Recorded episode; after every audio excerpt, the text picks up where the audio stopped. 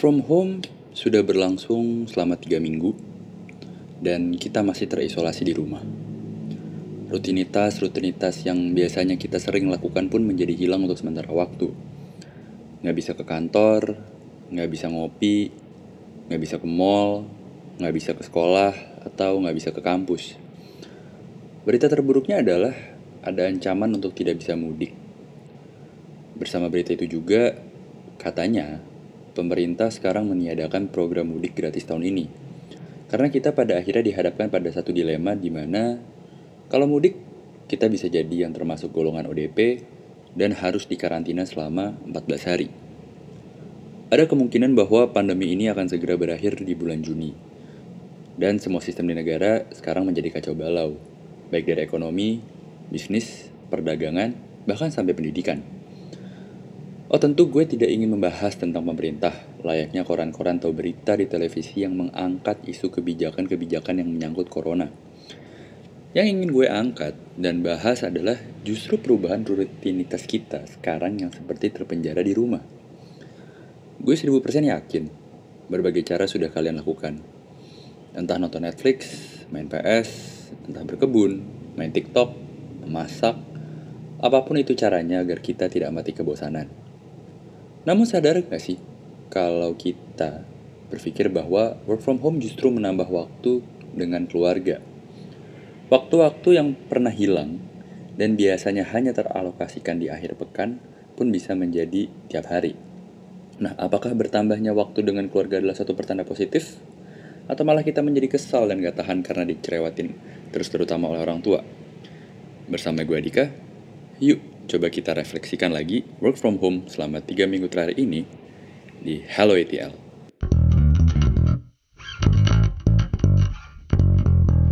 Selama ini kita selalu melakukan rutinitas yang bisa dibilang sangat terpola. Dari bangun pagi, mandi, sarapan, berangkat kerja, mungkin saling berdesak-desakan di KRL. Transjakarta, MRT, atau menghadapi macet di jalanan, lalu masuk ke kantor dari jam 8 pagi hingga 5 sore. Kemudian akhirnya sampai rumah ketika matahari sudah terbenam, istirahat sebentar, lalu tertidur pulas. Atau ada juga yang masih menjadi pelajar atau mahasiswa. Biasanya, waktu-waktu selepas sekolah digunakan untuk nongkrong, main bola, atau mungkin les, atau bermain ke rumah pacarnya. Nah, rutinitas-rutinitas yang sudah biasa kita lakukan ini otomatis membuat kita cukup sedikit mengalokasikan waktu kepada orang tua. Kalau Sabtu kalian sudah digunakan untuk bertamasya ke mana pun destinasinya yang kalian inginkan, pasti kalian akan memberikan waktu bersama orang tua di hari Minggu. Nah, contohnya gue.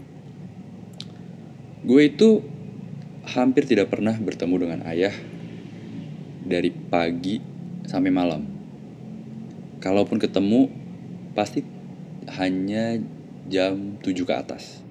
Itu pun kalau beliau uh, tidak ada kerjaan yang mengharuskan beliau lebih lama di kantor. Kalau dinas atau lembur, mungkin gue baru bisa bertemu dengan beliau 2-3 hari ke depan. Hari Sabtu pun gue pasti ada urusan. Entah gue pacaran kalau punya pacar, entah gue uh, jalan sama teman-teman gue atau gue ngopi mungkin sendirian untuk ngetik. Dan biasanya ayah dan ibu punya aktivitas sendiri. Mereka mungkin ke mall atau ada urusan sesuatu dan sore baru pulang. Praktis waktu yang kami miliki itu hanya hari minggu.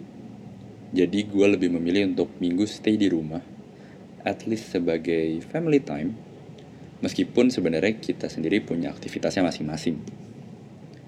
Nah, ketika work from home ini mulai diberlakukan atas dasar kebijakan dari pemerintah, hampir dari semua sahabat dan saudara gue melakukan rutinitas seperti ini. Bangun agak siang, lalu mandi. Kalau ada meeting conference call lewat Zoom, pasti masih pada bau bantal. Produktif pun hanya 1-2 jam, karena sisanya lo mungkin tidur siang atau nonton Netflix atau movie marathon nanti lanjut kerja lagi, lalu melakukan aktivitas yang lain sampai malam hari dan tidur lagi dan seterusnya. Hanya ada satu pertanyaan di benak gue. Apakah ada dari kalian yang masih ingat ini hari apa atau tanggal merah apa selama tiga minggu work from home? Nah, buat mereka yang mengaku dirinya introvert nih, bekerja di rumah adalah suatu kemewahan.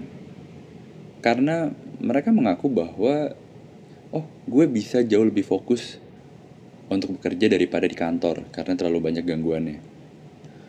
Sebaliknya, buat mereka yang merasa jiwanya ekstrovert, Berada di dalam rumah dan tidak bisa ke mana-mana adalah suatu bencana karena mereka tidak bisa bersosialisasi secara langsung dengan sahabat-sahabatnya atau rekan kerjanya. Ada salah satu sahabat gue, dia sangat merana dan udah tidak tahu mau ngapain lagi sampai akhirnya dia nyolong-nyolong kegiatan untuk sekedar mengambil kunci mobil dan berputar-putar di dekat apartemennya untuk mencari angin segar, melihat langit, uh, jingga, toh mumpung uh, keadaan jalanan tidak macet. Nah, uh, kebijakan ini pun berlaku kepada ayah. Memang beliau tidak work from home setiap hari. Let's say Senin ke kantor, Selasa di rumah, Rabu ke kantor, Kamis di rumah, Jumat ke kantor. Tapi ketika work from home pun, gue merasa ayah tuh tidak memegang kerjaannya sekalipun sesuatu pemandangan yang cukup aneh. Mengingat gue sering sekali melihat ayah itu bawa kerjaan ke rumah dan buka laptop di malam hari untuk mempersiapkan meeting buat besok paginya. Jadi bahkan gue pernah menemukan kayak kita lagi makan malam tiba-tiba ayah itu ditelepon oleh bosnya dari Jepang dan gue dan ibu meninggalkan ayah makan duluan sampai akhirnya cuci piring lalu satu jam kemudian ayah pun balik lagi untuk makan menghabiskan makanannya. Nah buat gue fenomena work from home ini menimbulkan beberapa pertanyaan yang menarik. Apakah kita jadi sering bertatap muka dengan orang tua atau dengan anak, istri atau suami? Apakah dengan kita melakukan sesuatu kegiatan di rumah timbullah satu kegiatan yang baru atau yang positif dengan mereka yang terkasih atau kita malah kesal karena kita tidak mendapatkan suatu ruang kebebasan yang biasanya kita dapatkan selama sibuk kerja atau sekolah. Kita mulai dari sisi positif dulu kali ya. Nah, dari kacamata gue, sisi positif work from home ini adalah inilah kesempatan buat kita sebagai anak atau kita sebagai suami atau istri yang menjadi orang tua dan punya anak untuk melakukan sesuatu yang baru atau berbeda dalam rangka untuk kebaikan kita sendiri atau juga dalam rangka membantu uh, orang lain ketika situasi wabah corona ini merebak. Gue akan menceritakan salah satu pengalaman yang gue lakukan sama ayah dua minggu eh sorry seminggu lalu jadi uh, dengan adanya ayah di rumah, uh, beliau mempunyai ide. Paling pertama adalah waktu itu kita harus bikin uh, cairan disinfektan sendiri. Jadi kita uh, cari semprotan uh, kayak mesin semprot gitu yang manual. Lalu kita bikin racikannya sendiri itu menggunakan superpel, wipol dengan takaran-takarannya lalu kita bikin kita aduk kita kita racik sendiri pakai air berapa liter lalalala udah jadi tapi kita masih butuh um, beberapa botol itu. Jadi kita cari ke S Hardware di Bintaro di Veteran di Radio Dalam tuh kosong. Yang kita cari itu kosong.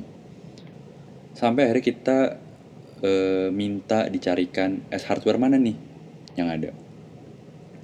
Lalu kita mendapatkan telepon oh barangnya masih banyak di S Hardware Supermall Karawaci. Jauh tuh. Cukup jauh lah. Tapi mengingat Bintaro ada tol ya jadi menurut gue Bintaro ke Karawaci jauh lebih mudah dijangkau daripada gue harus ke Bekasi gitu loh nah lalu e, terlintas juga di pikiran ayah untuk membuat semacam teknologi sederhana yaitu saluran air khusus untuk cuci tangan buat satpam kompleks perumahan gue. Karena e, kebetulan rumah gue itu persis di hook antara rumah sorry antara jalan raya dan jalan kompleks dan pos satpam itu ada di e, samping rumah. Dan biasanya gue juga tidak pernah melihat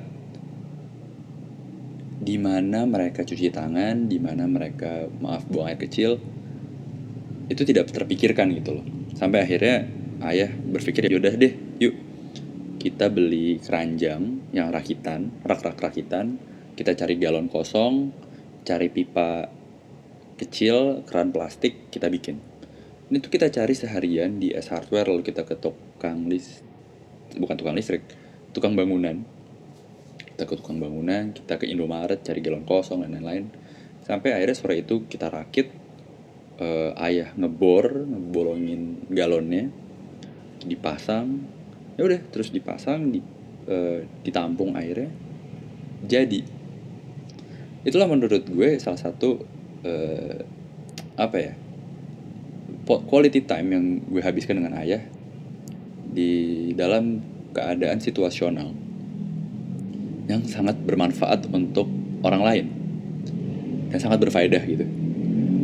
Dan gue juga menjadi terinspirasi dengan apa yang ayah lakukan.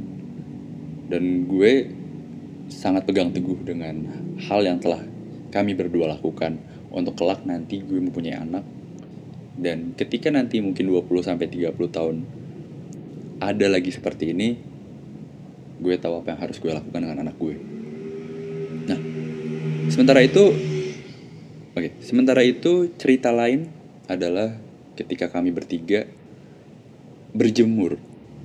Ya, seperti yang kalian tahu, pasti dari kalian sedang senang berjemur.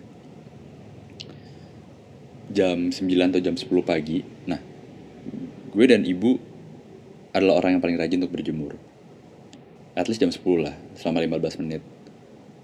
Dan biasanya ayah itu baru nimbrung ketika kita udah mau selesai tapi pun uh, tapi ayah pun juga tidak berjemur sih lebih ke main radio kontrol tapi akhirnya uh, berapa hari yang lalu beliau ikut berjemur dan kita sama-sama nggak pakai baju kita buka baju di halaman belakang dan kalau ada seseorang yang foto itu itu sangat unik sih. Fenomena yang nggak pernah kejadian menurut gue. Di mata gue itu nggak pernah kejadian karena ya kita punya kesibukan yang masing-masing. Kayak misalnya gue di kamar gue ngetik ayah itu kalau nggak ngapa-ngapain atau melakukan hobinya itu paling ngeletekin diecast di ruangannya atau main piano.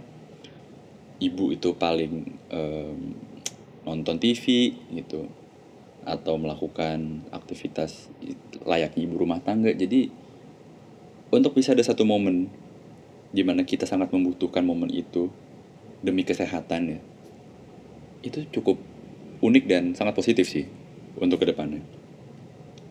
Memang ini sangat situasional tapi kalau gue pikir-pikir kembali inilah momentum buat gue sebagai anak untuk bisa menghabiskan waktu dengan kedua orang tua sebisa mungkin karena gue dan kalian sebagai anak nih pasti nggak akan bisa menebak apakah 20 sampai 30 tahun ke depan masih akan ada kebijakan seperti ini, masih akan adakah fenomena seperti ini yang atau fenomena lain yang membuat kita berada dalam satu rumah bersama orang tua dalam waktu yang sangat lama, hampir setiap hari, nggak ke mana-mana.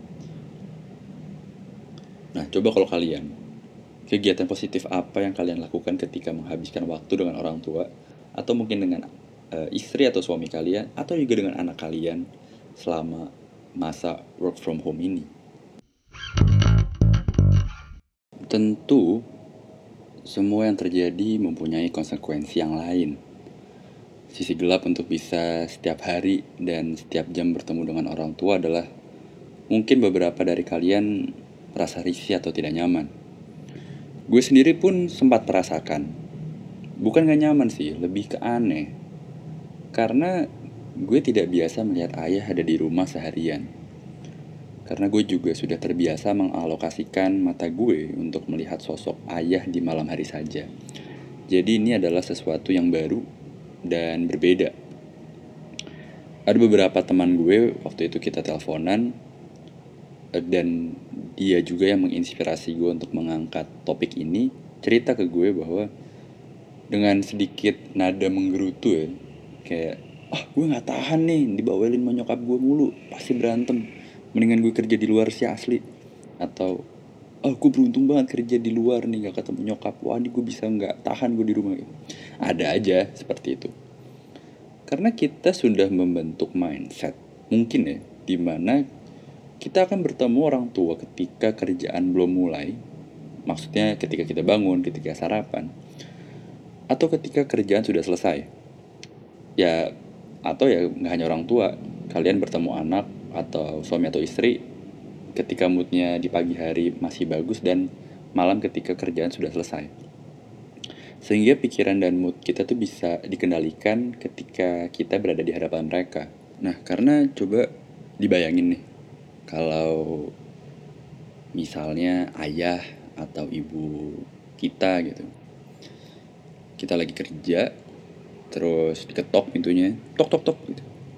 misalnya, nah tolong dong pesenin makan buat makan siang gitu mungkin kalau sekali nggak apa-apa ya cuman kalau misalnya itu selama tiga minggu terus terjadi secara berkala mungkin kalian sepet juga kali ya. Atau ketika misal misal ke, ke, kalian punya suami atau punya istri atau punya anak gitu.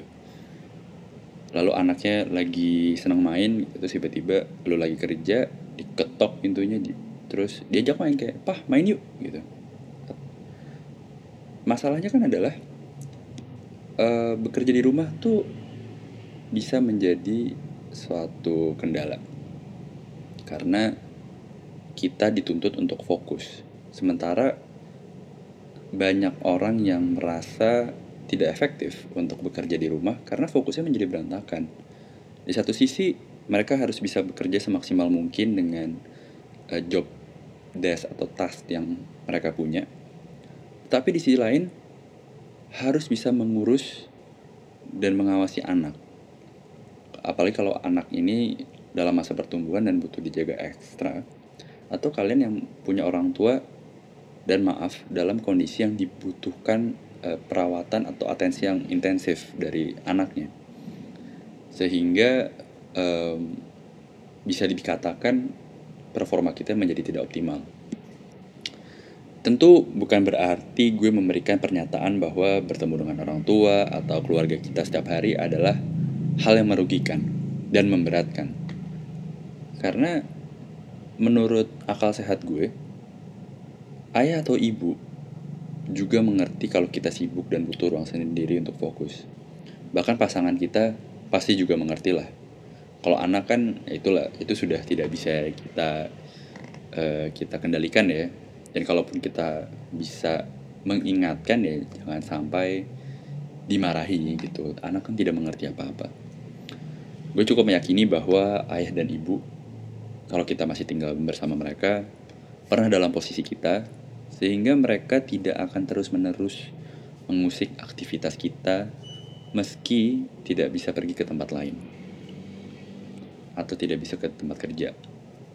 Nah, kalau kalian sendiri, ada nggak cerita-cerita yang membuat lo cukup pusing dengan selalu berada di dekat orang tua atau mungkin dekat anak, dekat istri, atau dekat suami selama berhari-hari di rumah sambil bekerja. Selama tiga minggu gue di rumah gitu, gue cukup sering membuka sosial media Twitter untuk sekedar melihat perkembangan yang ada di belantika belahan dunia tentang COVID-19 ini. Tapi ada cerita yang menarik yang gue temukan di Twitter. Gue gue capture di Twitter, tapi ini sebenarnya asli di YouTube. Jadi ada salah satu uh, orang, salah satu warga, seperti warga Jakarta. Uh, dia seorang bapak dia membuat suatu video tentang perjalanan dia satu hari dan menggunakan satu caption seperti ini. Halo anak ayah, saat ayah tulis tulisan ini kalian baru berusia satu tahun 8 bulan dan 7 bulan. Mungkin kalian akan bisa baca tulisan ini tahun 2028 atau 2030. Video di atas menunjukkan apa yang terjadi saat ini. Dengan berat hati, ayah dan ibu mengungsikan kalian ke kampung halaman untuk tinggal bersama kakek dan nenek. Karena keadaan di Jakarta sedang tidak bersahabat. Ayah dan ibu harus tetap di sini untuk mencari rezeki, untuk memenuhi kebutuhan hidup dan tabungan untuk sekolah kalian nanti. Kami sangat merindukan kalian setiap pagi, siang, dan malam hari sebelum tidur. Ayah selalu video call kakek untuk melihat wajah kalian. Saat kalian sudah bisa membaca tulisan ini, ayah berharap kalian tahu betapa besar cinta kami untuk kalian. Semoga kita semua diberikan kesehatan oleh Allah Subhanahu wa taala. Amin. Amin ya robbal alamin. Ini buat yang bikin video ini uh, Anda sungguh menginspirasi kami semua bahwa ya memang keputusannya tepat untuk melindungi anak-anaknya dari wabah ini. Ditambah juga dengan work from sorry dengan adanya work from home ini mungkin pemasukan sedikit terganggu tapi semoga tidak terlalu signifikan.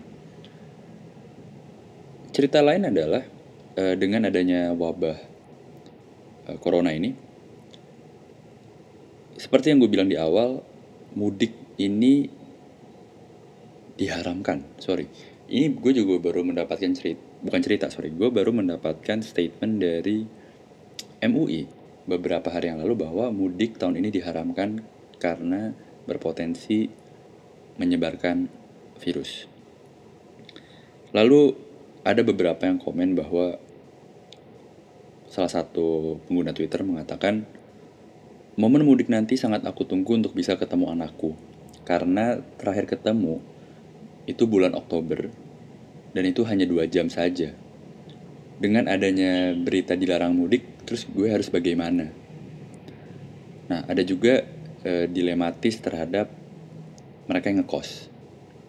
Ngomong begini, duh, gue ngekos jauh karena harus ujian skripsi dan tetap di kosan beres ujian rasanya pengen pulang, kangen orang tua, kangen ponakan, kangen rumah. Tapi semua harus ditahan. Ya gue hanya menguatkan diri saja meskipun warung makan makin menipis. Nah, inilah salah satu fenomena yang ada di Indonesia, di Jakarta tepatnya. Gue ingin membagikan cerita ini bahwa the struggle is real dan banyak orang yang keluarganya saling terpisahkan dan tidak bisa bertemu hanya karena wabah ini. Jadi menurut gue, jika kalian merasakan berat dan risih, well think again. Karena ini adalah salah satu momen di mana lo dikasih waktu untuk bisa dekat dengan orang tua atau dengan keluarga mendapatkan tambahan waktu dari apa yang biasanya lo dapatkan.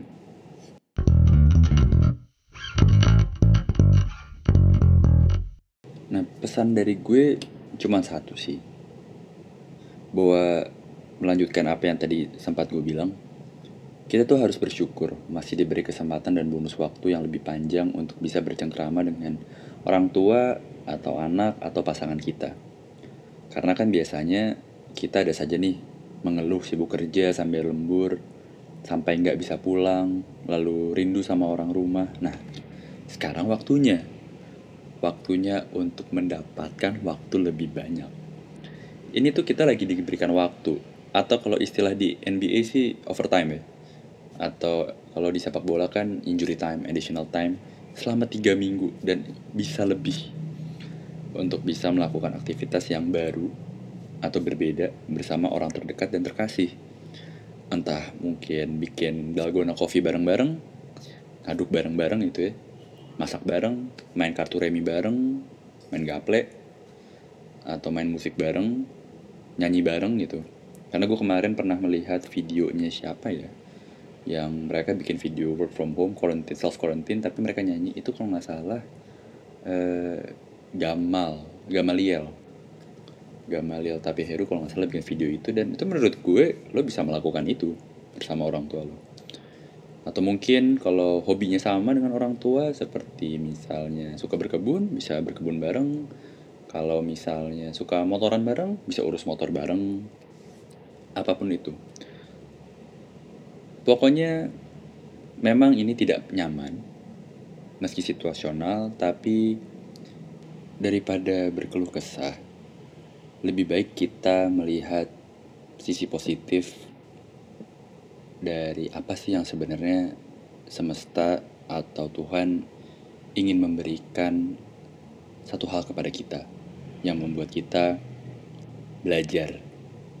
Nah, jika kalian punya cerita yang sama atau ingin bercerita tentang orang tua atau keluarga, boleh banget kirim email di atlanta.novel@gmail.com atau kirim direct message di Instagram at atl underscore id atau juga di Facebook di novel.atlanta.